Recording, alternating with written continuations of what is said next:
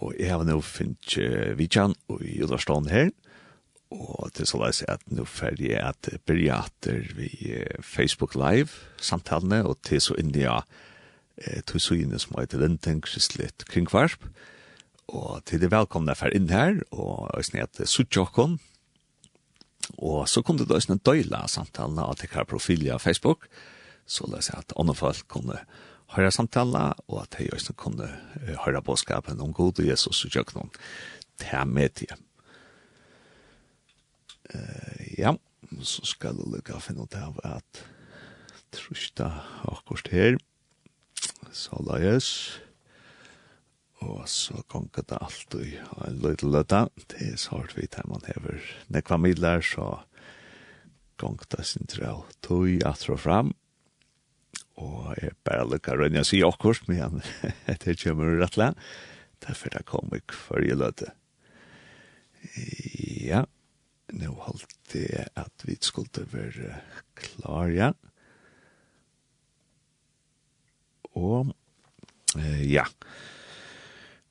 Og jeg har så fått besøg her, og det er en fra Satsu, Øh, skal du måske lige starte med at øh, præsentere dig selv?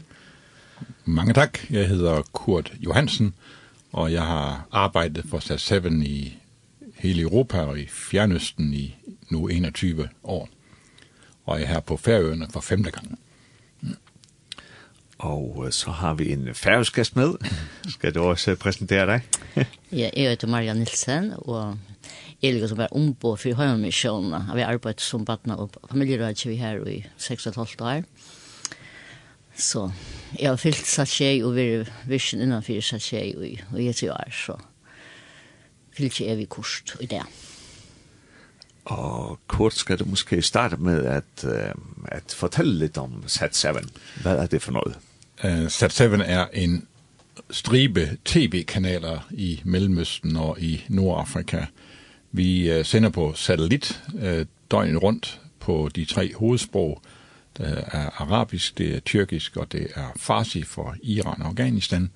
Eh satellit-TV er et forholdsvis nyt medium, som stort set alle i Mellemøsten har adgang til. Alle har købt sig et fjernsyn og en parabol, og kan så se satellit-TV døgnet igen alle andre medier er censureret af de lokale regeringer, men satellit-tv kommer jo altså ud fra verdensrummet, og det kan man ikke censurere. Så det er en historisk mulighed for at forkynde evangeliet ind i lande, der slet ikke er åbne for evangeliets forkyndelse. Og, og Z7 er det en international organisation? Ja, altså det lykkedes os først og fremmest at forene alle de kristne kirkesamfund i Mellemøsten. Der er stadigvæk øh, cirka 20 millioner kristne i Mellemøsten. Det er et mindretal, de udgør 3-4 procent, men de er der stadigvæk. Øh, så vi lykkes, det vi lykkes med at, at samle dem i, i en stemme og vise den her enhed i forskelligheden. Øh, så vi producerer alle programmerne i Mellemøsten og i Nordafrika. Vi har relativt store studier i Egypten, i Libanon og i Tyrkiet og i London. Så alle programmerne er produceret af lokale kristne Men der er det så, at øh, der er en hel del, eller mange missionsselskaber og kirker rundt omkring i verden, der står bag sig til dem og betaler, hvad det, hvad det koster. Hvad er ligesom, øh, hvad, er det, hvad er ligesom formålet med Sat7? Formålet er jo at støtte de lokale kristne i deres vidnesbyrd. Vi står på skuldrene af de lokale kristne kirkesamfund, vi er deres stemme de har ikke haft andre øh, muligheder for at komme ud med deres budskab. Der er desværre også rigtig mange misforståelser og fordomme om de kristne i Mellemøsten blandt deres naboer. Så for første gang i kirkehistorien kan de nu øh, formidle frit og, og usensureret, hvad, hvad kristendom er, hvad de kristne kirker står for, og hvem, øh, hvem det, hvad, hvad det er, vi tror på.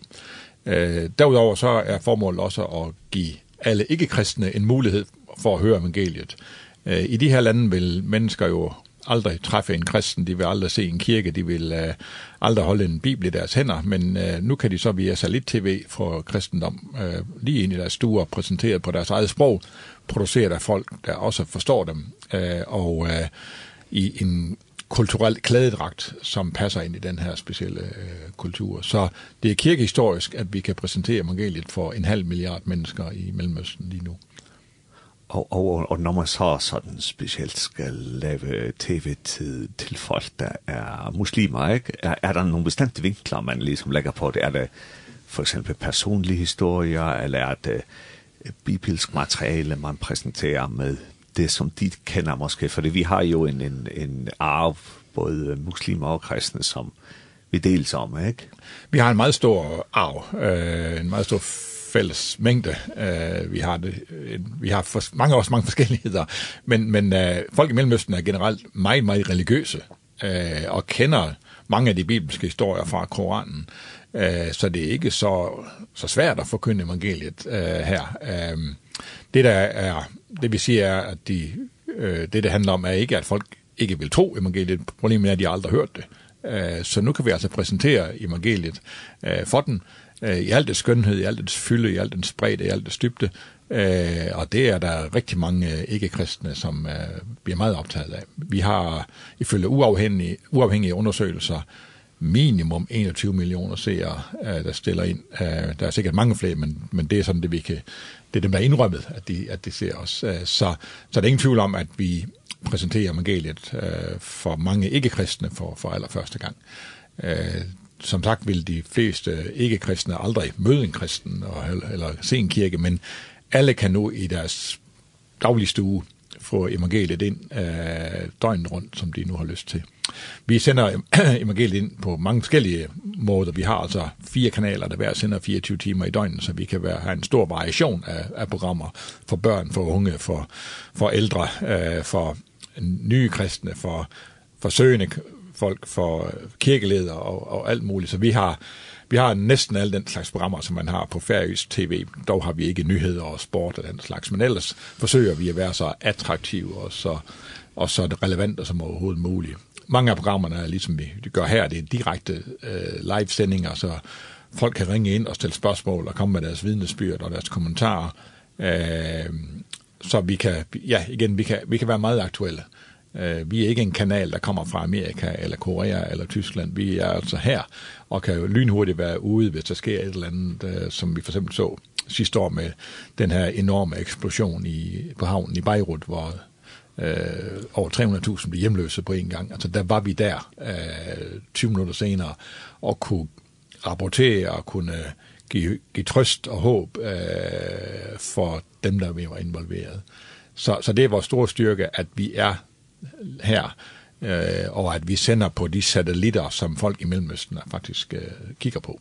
Eh så, så vi er på hovedvejen øh, direkte ind i hjemmene til, øh, til folk i, i Mellemøsten, Nordafrika, inklusiv Tyrkiet, Iran og Afghanistan. Eh Hvordan er det med, med de forskellige medier? Altså, bruger I også øh, Facebook Live og, og, og YouTube og podcast og sådan noget, eller er det primært satellitfjernsyn? I, I Mellemøsten og Nordafrika er internet ikke særlig udbredt endnu. Det er desværre en, en af måderne, regeringerne kan holde folk væk fra, fra fri og usensureret information. Så internet er under stærk, øh, altså meget, øh, meget begrænset, øh, ja. men det er også meget dyrt. Øh, så, og de fleste mennesker lever jo altså under fattigdomsgrænsen og har faktisk ikke råd til at få det.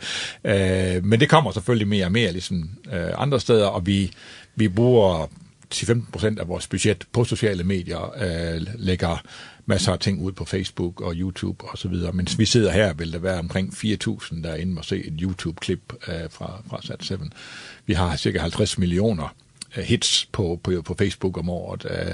Så selvom der er ikke så mange, der er forbundet med Facebook af forskellige grunde og andre sociale medier, så, så er der alligevel en, en del, der er, og dem de bruger også Sat 7's sociale medier. Så ja, vi bruger mere og mere sociale medier, og kalder ikke længere en tv-station, men et medievirksomhed, og ser selvfølgelig i ånden, at om 10 måske fem år, der vil mere og mere være på, på, på, på, på YouTube. Vi er helt bevidste om, at unge mennesker ikke ser fjernsyn længere. De ser YouTube-videoer og lignende, og det, der går vi også hen.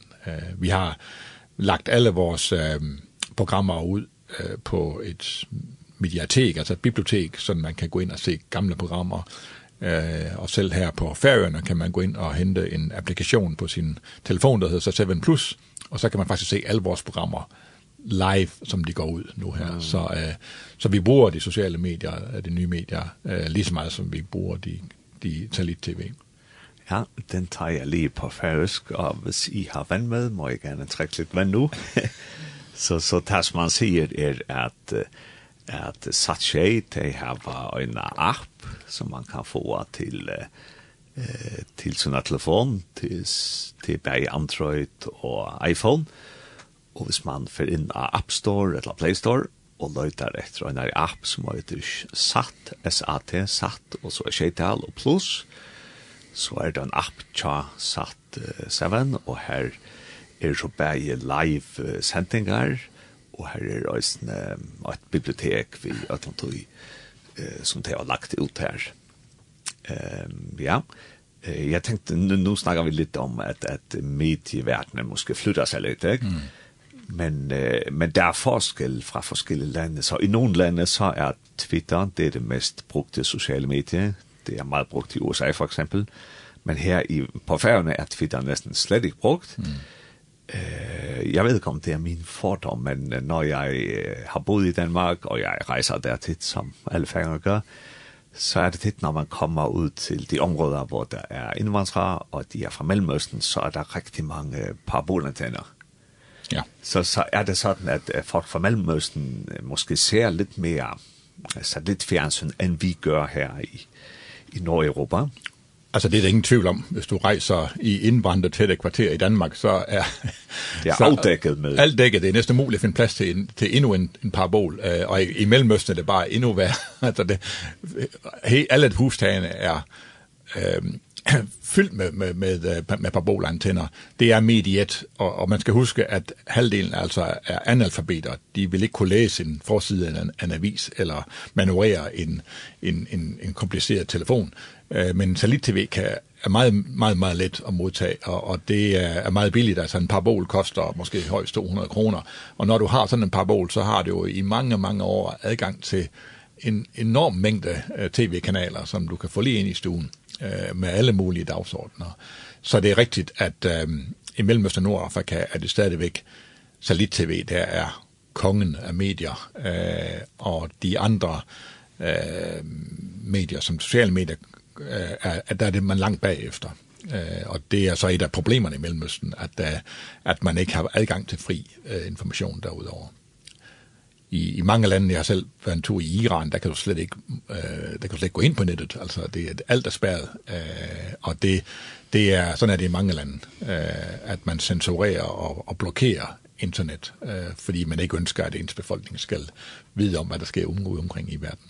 Men, men øh, parabolantenner og, og altså satellit-tv, det kan man måske ikke blokere, eller hvad? Teknisk? Det, det kan landene simpelthen ikke... Det kan ikke lade sig gøre. Altså, øh, Satellitten hænger jo 30.000 km ude i verdensrummet, øh, og der findes ikke nogen teknikker, vi ved af i hvert fald, der kan, der kan censurere det.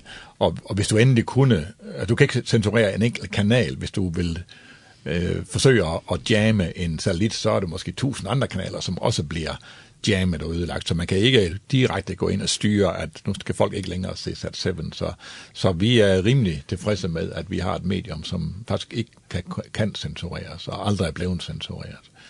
Men er der i nogle muslimske lande, hvor man simpelthen forbyder folk at stille parabolantenner op, og så kan man styre det den vej? Jo, det gjorde man i starten. Man forsøgte, eller man sagde, det er forbudt at have en parabol. Um, men man fandt ud af, at det havde man af folk altså alligevel. Uh, det var lidt ligesom, nogen kan huske i DDR-tiden, det var forbudt at se vestlig fjernsyn, men alle gjorde det. Øh, og sådan er det også i Mellemøsten. Altså det der, det der, det man ønskede meget stærkt, det skal man nok få fat i. Og, og det endte med, at regeringen måtte opgive at have et forbud mod paraboler. Øh, de kunne ikke kontrollere det.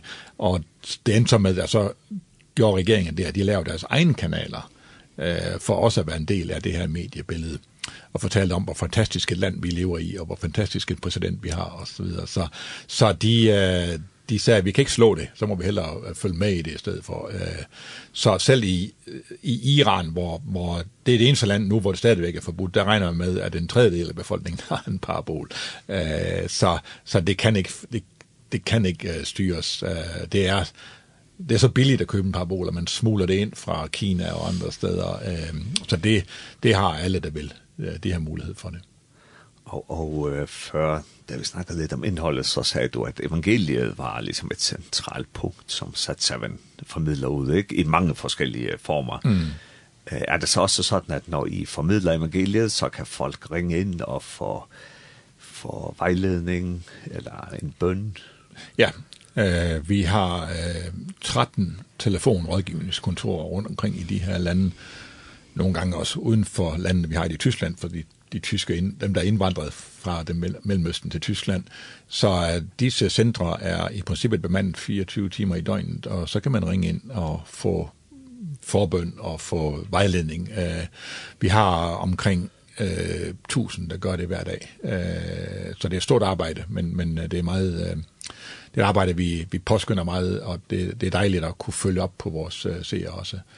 Eh selvfølgelig langt de fleste ser vil vi aldrig høre fra. Eh det, det, der er 21 millioner ser og det, og det vil være umuligt at tale med dem alle sammen.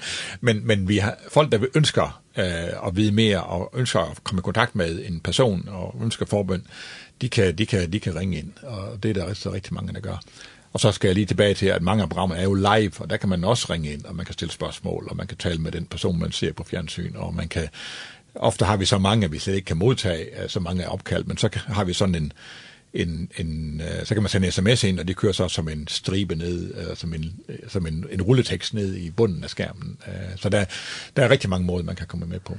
Så smart er vi ikke her i Linden, men I kan stadigvæk, nu tager jeg lidt på fersk, at, at I kunne stadigvæk sende en sms ind, hvis de kanskje har en spurning til at komme, om et vi satt tjej, så kom det senda en sms-en, et leit til det var en oppmuntran, og de kom senda til telefonnummer 2.5.13 13 24, 2.5.13 13 24, så kom de senda et sms-en, vi har spørt ikke, og så vil jeg spørre igjen, et leit til kunne skrive en avimersing inn her av Facebook Live, til som hitja av akkurat Facebook-profilet, til kunne sette en spørning inn her, et leit og en oppmuntran til det som gjør det her på.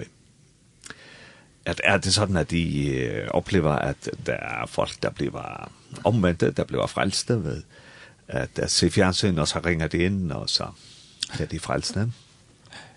Ja, altså... Øh det det det det er da helt klart øh, og også i tusindvis altså øh, men, men vi er jo ikke en kirke. Det vi kan gøre, det er jo at, at gøre opmærksom på evangeliet, eller forkynde evangeliet i, i mange, mange forskellige aspekter. Det kan vi gøre døgn rundt.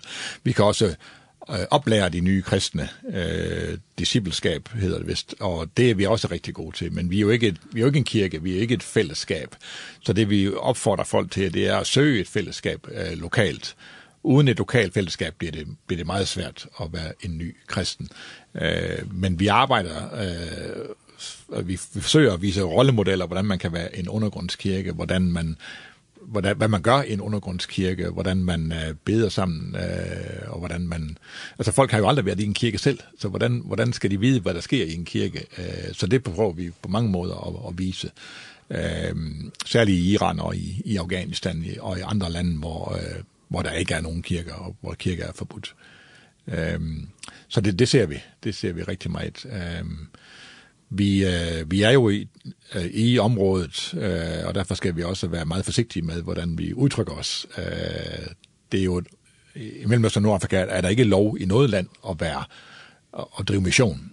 Og der er heller ikke lov til i noget land at konvertere øh, fra for eksempel islam til kristendom, så vi skal være meget forsigtige af, hvad vi, hvad vi gør, fordi vi har studier og medarbejdere i de her lande der. Så, så vi forkynder evangeliet i al dens fylde og skønhed, og så har Helion så stor en kraft, øh, og evangeliet har så stor en kraft, så folk reagerer på det, de ser. Øh, men, men fordi vi er en tv-kanal og ikke en lokal kirke, så øh, er vi ikke på den måde direkte med i, i, i det.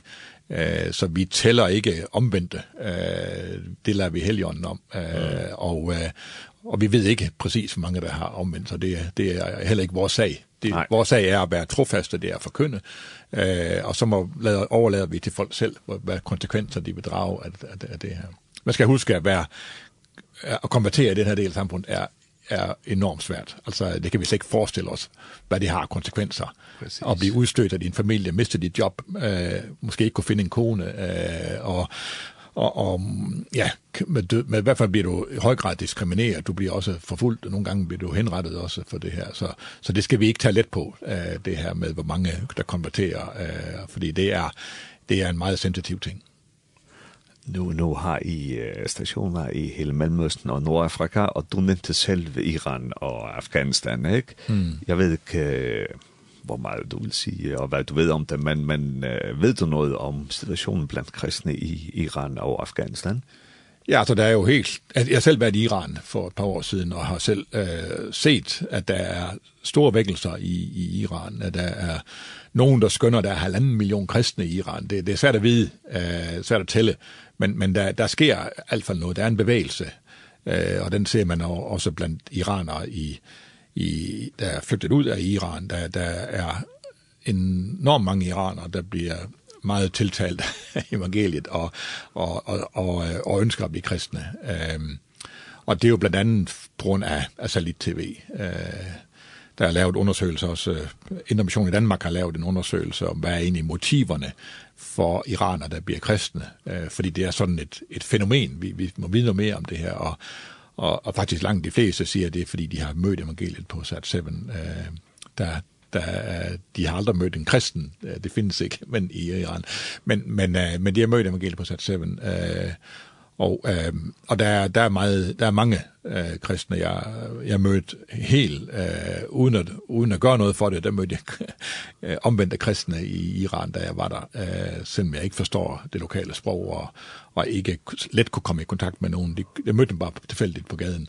Så det er, det er et fænomen, øh, og det samme gælder også i Afghanistan. Øh, og nu taler vi om Afghanistan, hvor det jo er en fortvivlet situation øh, her i de sidste dage og i disse timer også, at det er, det er virkelig fortvivlende at, at tænke på, hvordan de afghanske kristne skal have det nu under det frygtelige Taliban-styre, der nu, der nu kommer. Så vi uh, sender direkte nu til uh, Afghanistan. Vi uh, åbner særlige telefoner for afghanske kristne. De kan søge uh, råd og vejledning, de kan give deres vidnesbyrd, de kan give deres fortvivlelse og, og tale med nogen. Øh, og vi har opfordret hele verden til forbøn for de afghanske kristne, og det vil jeg også gerne gøre her. Øh, i, I disse timer er det meget afgørende, at vi, vi beder for de afghanske kristne. De er i en, i en uh, fortvivlet situation. Øh, og vi hører allerede om de første kristne afghanere, der er blevet øh, hentet af Taliban til tortur og også henrettelser. Øhm, så det er, en, det er en meget alvorlig situation, som hele verden må, må, må bede for. Ja, øh, hvis vi så skifter over til færøsk, Marianne, øh, nu er, nu er så kurs i Færøen og Vitjær. Er det noen tiltak som, som er fyrskipa i Færøen, så er det kommende DNA? Ja det er det er nok så lenge tjon han skal til imskar funter og til morte og i kjær var han i kyrkjø og tofton og nese, frukirkene. Her han så hei et innlegg og sammen med presten og i kyrkjene, omsatt tjei.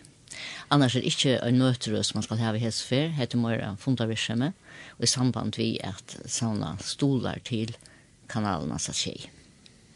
Og her er det kyrkjø og misjon er, er, er vi hon hon går med la vi tog att stola så tjej eh og, og i og tolv tal lukka som sett vi til i versk og i Sunnudagsskolan i Høyamisjonen at uh, fer inn i hesa stolskipan, fire sasjei og at uh, lukka som få at han nyr ui bøttene at uh, påskapen og Jespappa han skulle fære om atlan høymen og at leggja til henne i uibøttene i Øysten, at vi tar ånder at hokse om Øystenberg i forbund, og vi er djeva fra åkere. Så det ble gjørs for at vi eh, rønte av kunne rundt, og alle sundagskolene tja, kyrkjølheimermisjonen, tog øyla vi alle med og tog, og vi fikk så gjørst uh, kunninger skriv opp og busser og røste ut vi kunning om det, og det visste jeg at jeg tog og medtallet vel under tiltasjon, og som sier øysen til at foreldrene stod 18-4 og bakka opp om etter her. Og ta kjent av øysen som mener skilt, og at um, fyllt jeg opp vi via fra nye til tørre konferanser som vi er av kvarjen året av Kypros, og vi ikke alle sendestående som er i Torskalandet, og i Beirut, og i Kairo, så att man fyllde vi som pengarna og så at Arjen der hever dessa sendingene som de gjør og at det kommer rett sted så man kan bära det höjmaktor, till siktningar för åken själv i ösen och till att visa tuttningen av det. Och så störst det är att så några miljoner får påskapen på enda maten Och så väl vi hukt efter ösen här. Och det är själv som skapa utsendelsen til seg sjálv, tar egna poina, tar egna tørror, tar egna avbjongar som de vitsjera. Så det er ikke nekka som kommer vestlandet fram, men vi er vid til å kunne hjelpe tøymon at jøkken for at her nere i mest til Marian, og hvis det er noen av okra lustar og nå som, som fører kall fra gode, eller sjálv eller sjálv vår innskir av er vidt at stodleisner er på innom vi at uh, bo evangeliet ut til uh, Miester og norrafrikansk land. Uh, Hvordan kan man så gjøre en sånn stol, tja, satt seg? Ja, så Kirsli Heimersson hever et kontonummer som man kan flyta hvis det er peninga li at du vil stola. Annars blir alltid til at tåsa vi omkran om til eh kurs är så en som omsitter liksom allt det tillfär som för ni tanvin till Kypros som är huvudstaden chatta men här nere. Och ja så jag väntar sig till ena möjliga till kyrklammission om det är några möjliga 24 sambröva eller institution eller se att han tar som det sida vi og, og, og her gitt jeg man kan fære inn av heimasynet kjærmasjonet til er mission m-i-s-s-i-o-n.fo ja. så gitt jeg at her ligger anker komminga. Ja, så jeg ligger inne i at her hjemme så jo, og du leser også jeg vil tro på han ja. om det, og her er det folk som er alt skriver en skitt røysen her, og, og kan svære til noen har noen. Ja, ja. ja. Og ta og se til det er trobåten.fo, og så kan man også rinja til yeah. Nesrugar hvis yeah. man vil ha kommet og kanskje få kontnummer og nå skal jeg lukke minnast. Er det tjej og fjørte? 0 0 0 0 4 0 Yes. Yes. Så tjej og fjør nei 440 000 man har sikkert flere Ja. Hvis vi skulle si at det er noen del Yes Ja. Ja. Tjej og fjørte 0 0 0 0 Ja. Og sjåan det er øyne øyne øyne øyne utan utan om hemmisjonen som är snur och hoa ju tog. Ja, ja, tog heter heter ett förkyrkligt där på ja. Så skalt om till hemma med hemmisjonen för Jon som stod att den är så är det för folk att till samkomma. Ja. Och kanske det första som folk kunde göra det är som vi snackar om Janne att det är en app. Hvis de får inn av det som heter Play Store av en Android-telefon, eller hvis de får inn av eh, App Store tja eh, Apple og til løyta etter en app som heter Satt Tjei, og det skal bare skrivast ut i øyt, S-A-T, og så Tjei til på en tattna, og så pluss. Så finner man en app her som man kan sitte på en sjømarp. Og ja, og eh, jeg tenkte faktisk at vi skulle avslutte med et, et bedre bedinbund for situasjonen i Afghanistan. Mm jeg ved ikke om I vil bedre, men jeg er i hvert fald bedre, så er I velkommen til at lægge en bøn til. Er der noget til sidst, som vi, som vi skal sige? Jeg har lyst til at sige en stor tak. Så skal jeg lige have din mikrofon okay. fra. Det var der. Værsgo. ja, jeg, jeg har lyst til at sige en stor tak til, til Færøerne, der er faktisk ikke så selv får støtte fra rigtig mange lande, USA, England, Tyskland, Danmark, Sverige, Norge. Men der er ikke noget land, i verden, der giver så meget per indbygger som Færøerne. Så vi er meget glade for, for, for samarbejdet øh, her. Øh, vi har jo også en... Altså det, det færøske landstyre støtter Sat undervisningsprogram. undervisningsprogrammer. Vi har en kanal, der hedder Sat 7 Academy, som underviser flygtningebørn. Øh, og der har vi haft øh, trofast og vedvarende støtte fra det færøske landstyre, og det er vi dybt taknemmelige over. Så. Mm.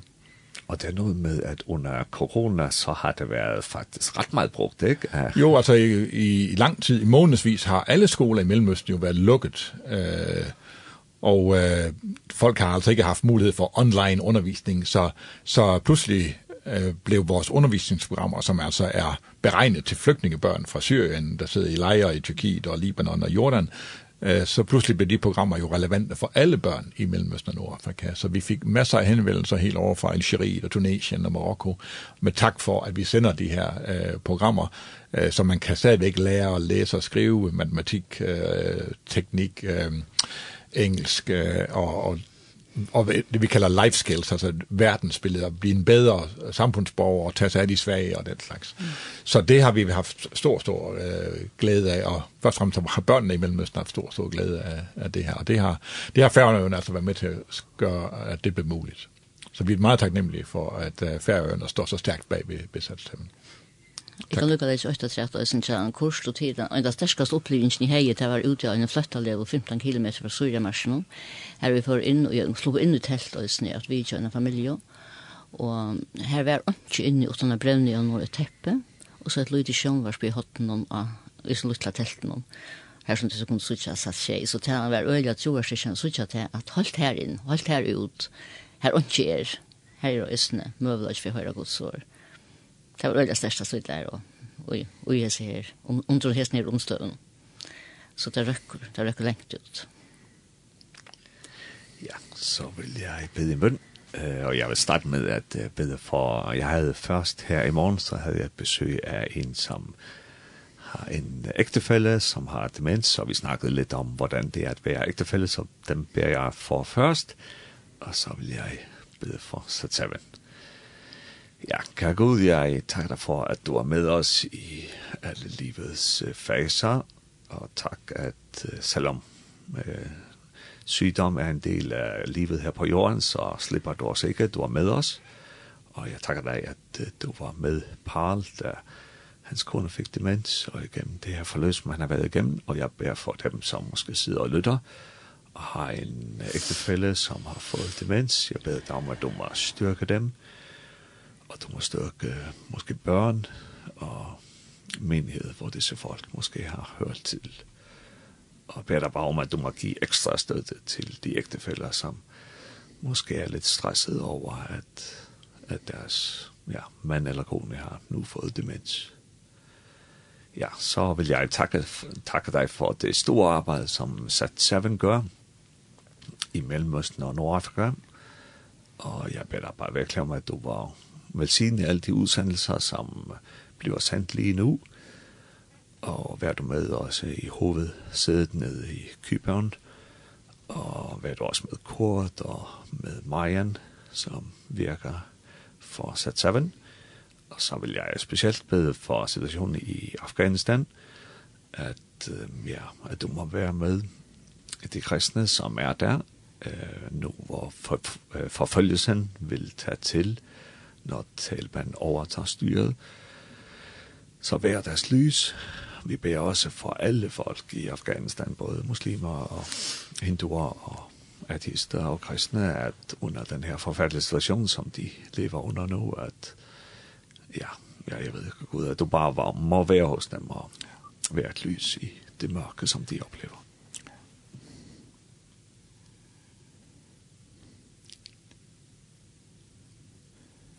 Ja, far himlen takker dig for, for at dit evangelium kan forkyndes frit her på færøerne, men jeg beder dig også for alle de lande, hvor evangeliet ikke kan lyde frit. Øh, men vi takker dig for, at vi har sat 7, vi takker dig for, at den er en helt ny mulighed for, at alle og enhver kan få en sand præsentation af, hvem du er, og hvad du vil med mennesker, at du er den, der gør alle ting vel, Vi beder om, at det må være et effata, luk dig op, øh, i alle hjem i, i Mellemøsten og Nordafrika. Og så jeg vil gerne bede dig særligt i dag for den fortvivlede situation i Afghanistan. Beder dig for alle indbyggere i Afghanistan, men særligt for de, der er minoriteter herunder, de, de kristne, som øh, nu må se i øjnene, at de bliver udsat for tortur og måske øh, henrettelser her vil du være deres, deres lys og deres, deres salt. Giv du dem de kræfter, de har brug for. Giv dem visdom og indsigt og inspiration. Og lad du dem få hjælp igennem Sat7 og også den rådgivning, Sat7 tilbyder på telefon og, og mange andre medier. Her vi, vi takker dig, og vi beder dig om, at du vil velsigne det alt sammen. Amen.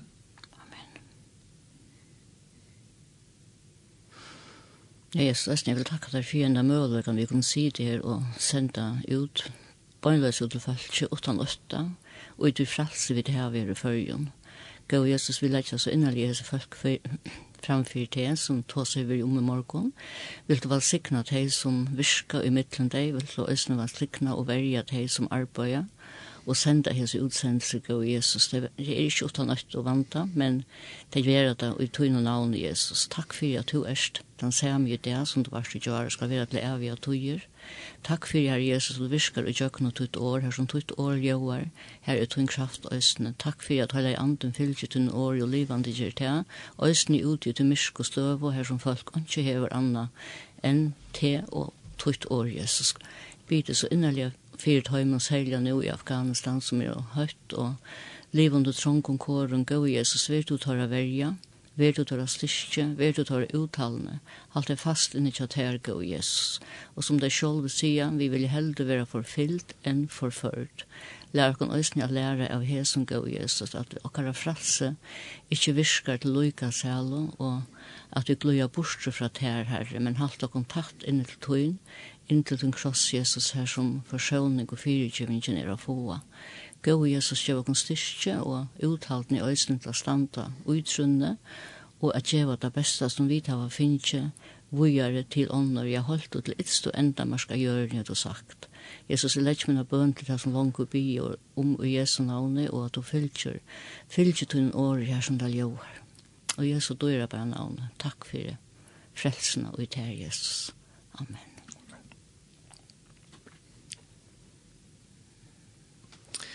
Ja, så ferdig at uh, si at jeg må ølle større. Takk for at jeg kom i morgen. Takk til deg, Kåre. Og alt det beste med din gærning, og takk til Marianne Øsne.